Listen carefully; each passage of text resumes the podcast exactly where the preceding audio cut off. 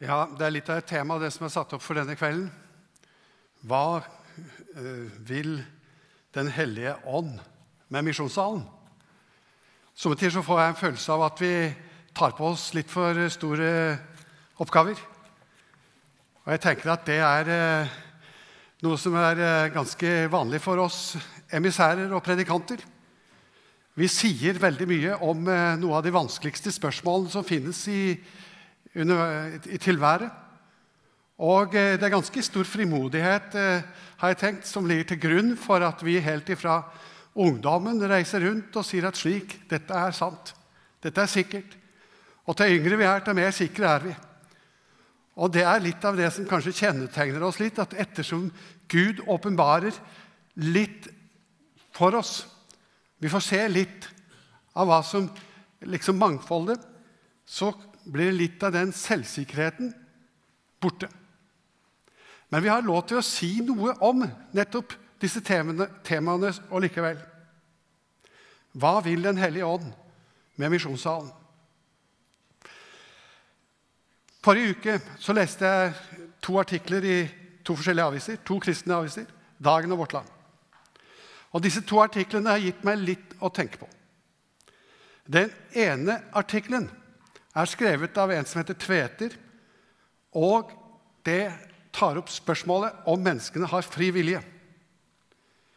Han understreker at om alt er kommet som en følge av evolusjonen, som en utvikling, så er det slik at våre beslutninger, følelser, ideer osv.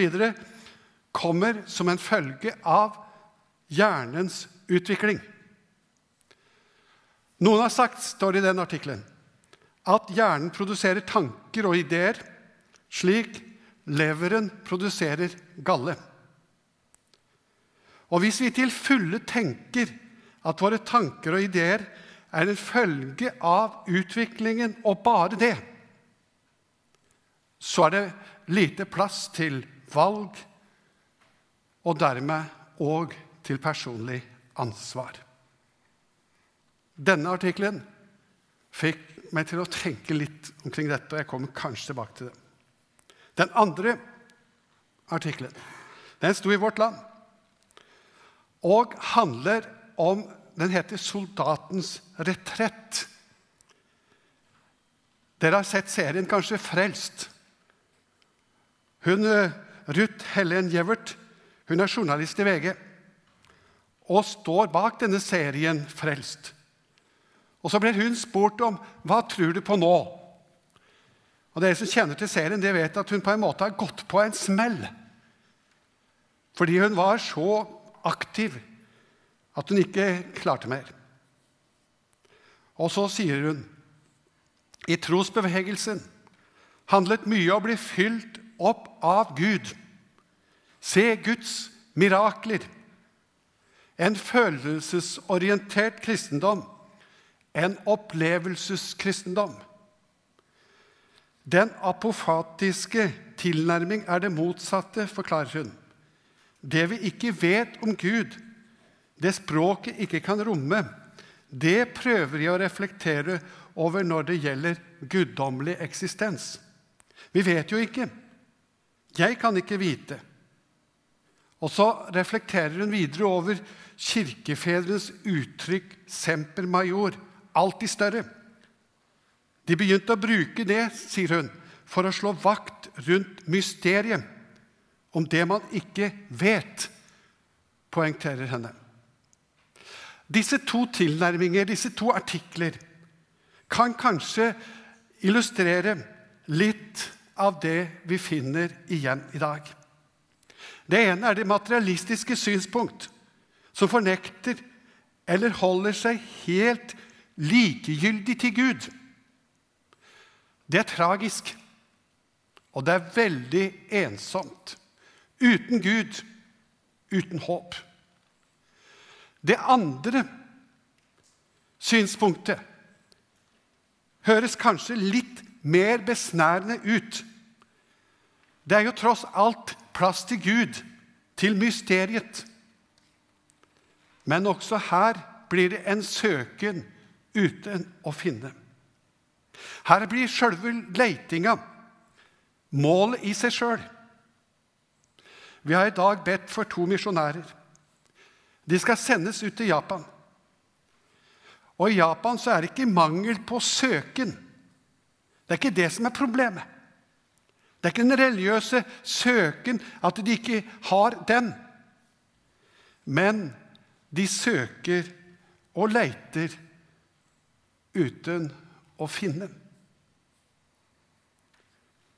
I begge disse to tilnærminger som jeg nå har skissert, så glemmes det viktigste, det vesentligste, nemlig at Gud søker. Gud leiter. Han kom ned til oss. Vår søken mot Gud, den hjelper lite. Vi var så forvirret pga. synden at vi kunne ikke finne Gud. Men Gud søker oss. Han elsker oss så høyt at han ga sin egen sønn. Kristus tok bolig iblant oss. Han oppsøkte oss. Og når han, hans gjerning, var fullført, så for han opp til himmelen. Og så vil han ikke overlate oss som foreldreløse barn, sier han. Han sender Ånden. Faderen, Sønnen og Ånden. Den treenigheten. Og så sier han at Gud er tre, men han er også én. Så sender han Ånden, og han kommer til oss.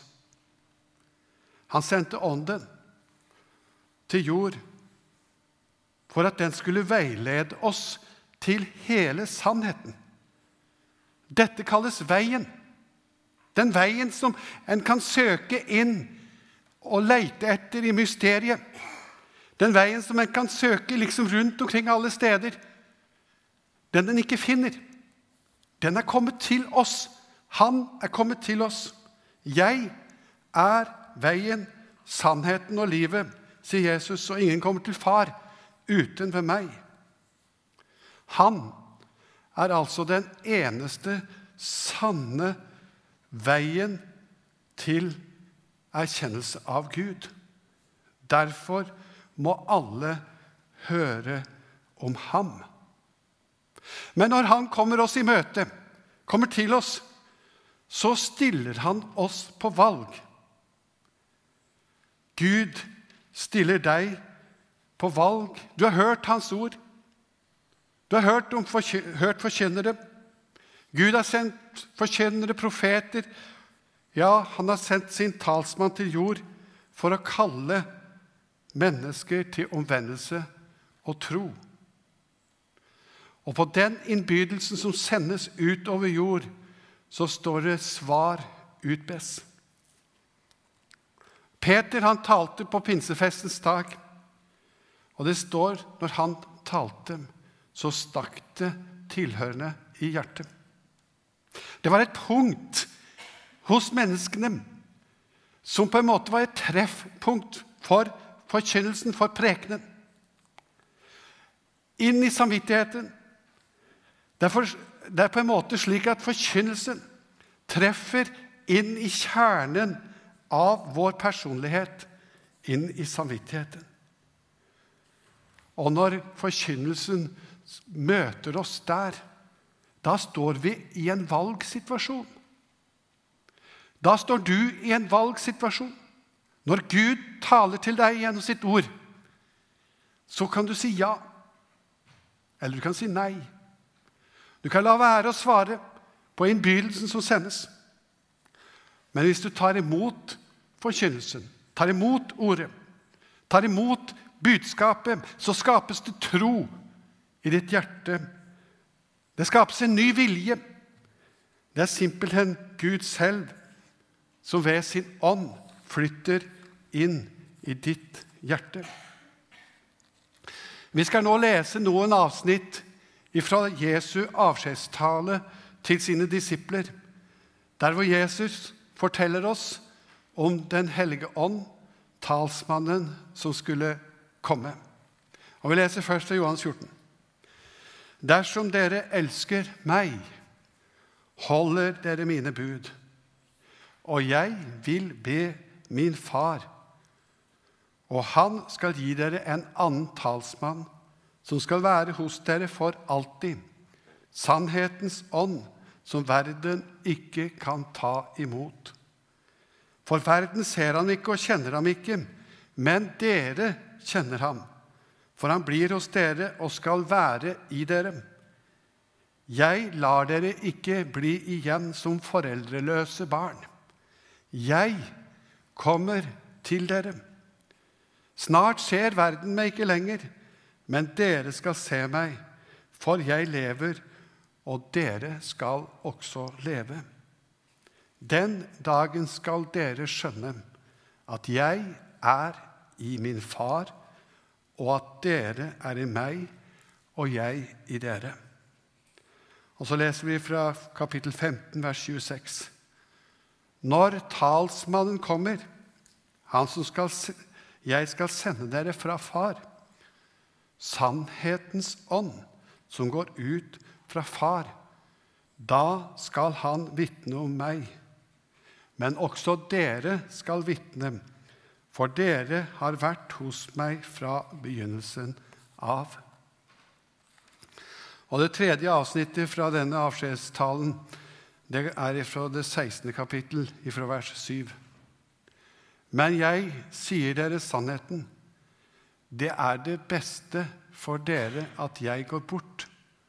For dersom jeg ikke går bort, kommer ikke talsmannen til dere. Men går jeg bort, kan jeg sende ham til dere. Og når han kommer, skal han gå i rette med verden og vise den hva synd er, hva rettferdighet er, hva dom er. Synden er at de ikke tror på meg.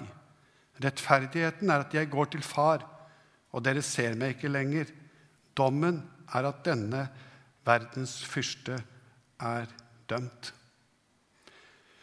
Dette, disse avsnitt som vi nå har lest, de understreker altså flere sannheter som forteller oss hva Den hellige ånd vil med oss, også oss i misjonssalen. Og Jeg vil fortsette å dvele litt med uttrykket 'foreldreløse barn'. Vi skal ikke overlates som foreldreløse barn. Barn som ikke finner noe holdepunkt. Barn som går i blinde og ikke finner veien. Dette er et trøstefullt evangelium, et kjærlighetsbudskap. Vi tror at Jesus er vår hyrde vår leder. Han har omsorg for oss og vil føre oss helt hjem. Kanskje du er her som føler at du ikke har funnet eller ikke finner frem. Kanskje du kjenner at du famler i blinde. Kanskje du er redd. I dag skal du få lov til å ta til deg det budskapet at om du ikke har funnet fram selv, så har Jesus sendt sin ånd til oss, til deg, for at han skal kunne møte deg. Og det er en innbydelse som går til deg ifra Jesus. Han vil at du skal ta imot ham. Han vil at du skal si ja til ham. Han vil at du skal komme i kontakt med ham. Sannhetens ånd, står det, skal vitne om meg. Den hellige ånd skal vitne om Jesus. Og så står det 'Jeg lar dere ikke bli igjen som foreldreløse barn'. Jeg kommer til dere. Han er hos oss via Den hellige ånd. Derfor kan han også si at det er til gagn, eller det er til beste for dere, at jeg går bort. Og så sier det videre når han kommer, skal han gå i rette med verden. Jeg syns det er veldig fint å tenke på. Hva vil Den hellige ånd med oss i misjonssalen? Jeg tror at han vil vise oss verden. De som er utenfor. Han vil at vi skal løfte blikket og se at markene er hvite til høsten. Han vil gi oss nød for de som ennå ikke har kommet til tro. Han vil sende oss ut. Ut fra menigheten. Den hellige ånd arbeider i kirken, i misjonssalen, i menigheten. Men den arbeider for å nå ut mot verden. Det sto at Den hellige ånd skal gå i rette med verden. Altså, Den hellige ånd har et ønske å nå ut til de som er utenfor. Og til det vil han bruke oss som er innenfor, som er i kirken, i menigheten. Og så sto det tre, tre ting da, som Den hellige ånd vil gjøre overfor verden. For det første vil han overbevise om synd, står det. Synd. At de ikke tror synd at de ikke tror på ham. Og for det andre så var det om rettferdighet. At jeg går til far. Hva betyr det? Hva slags budskap er det Kirken skal bringe ut til verden? Det er rettferdighet. At jeg går til far. Det betyr døden kunne ikke holde på Jesus. Hvorfor? Jo, fordi han var rettferdig. Han var syndfri. Syndens lønn er døden. Jesus betalte vår synd. Han døde i vårt sted, men han oppsto til vår rettferdighet. Hans oppstandelse, det er den som skal bringes ut. Det er forkynnelsen om det som skal nå ut. Da blir verden overbevist om rettferdighet. Og som dom, står det, som det tredje momentet som Den hellige ånd skulle overbevise om. Dom det er at denne verdens fyrste er dømt. Det som misjonærene skal fortelle, det er at djevelen og alle vonde makter er overvunnet. Djevelen er en slagen. Han er, sla er slått. Jesus er seiersherre. Dere skal vitne om meg. Det viktigste som kan skje, det er at vi her i misjonssalen vi får en stor Jesus. At Jesus sitt navn blir herliggjort æret. Gud vil at hans navn, at Jesu navnet, skal lyde utover jorden. Det er derfor vi sender misjonærer, og derfor vi står i denne tjenesten. I sendetjenesten. Og så vil eh, han utruste oss nettopp til dette oppdraget. Utruste oss til denne tjenesten. Og på den måten så vil han fylle oss med sin ånd, og han vil gi oss det vi trenger for at vi skal kunne gå ut med budskapet. I tillegg vil jeg si at Den hellige ånd har en oppgave innover i Kirken, i menigheten, innover imot oss. Og dette er mitt bud at dere skal elske hverandre slik som jeg har elsket dere, sier Jesus. Han har en oppgave overfor deg. Han vil avsløre eller avsløre også hvordan du er, og hva du har av behov. Han vil vise deg at du trenger Jesus hele tiden. Ikke bare det at du trengte han én gang når du ble en kristen, men du trenger han hver dag. De gamle kalte det dette å leve i bot eller i vekkelse med sitt liv. Det betyr at du får leve der hvor Guds ånd får komme inn i din samvittighet på nytt igjen og avsløre deg selv. Og så får du fly til Jesus, og så blir det hele tida en, en vei som du får gå. Så det er dette som er veien, og det er dette som Jesus vil, tror jeg, med oss her i misjonssalen. Det er dette som er Den hellige ånds gjerning. Han vil gi oss å få en stor Jesus, en lovprisning til Han for det Han er, for det Han har gjort. Han vil sende oss ut. Han vil utruste oss slik at vi går med Hans ord. Og så vil Han også la oss få leve helt tett innpå Han og hverandre.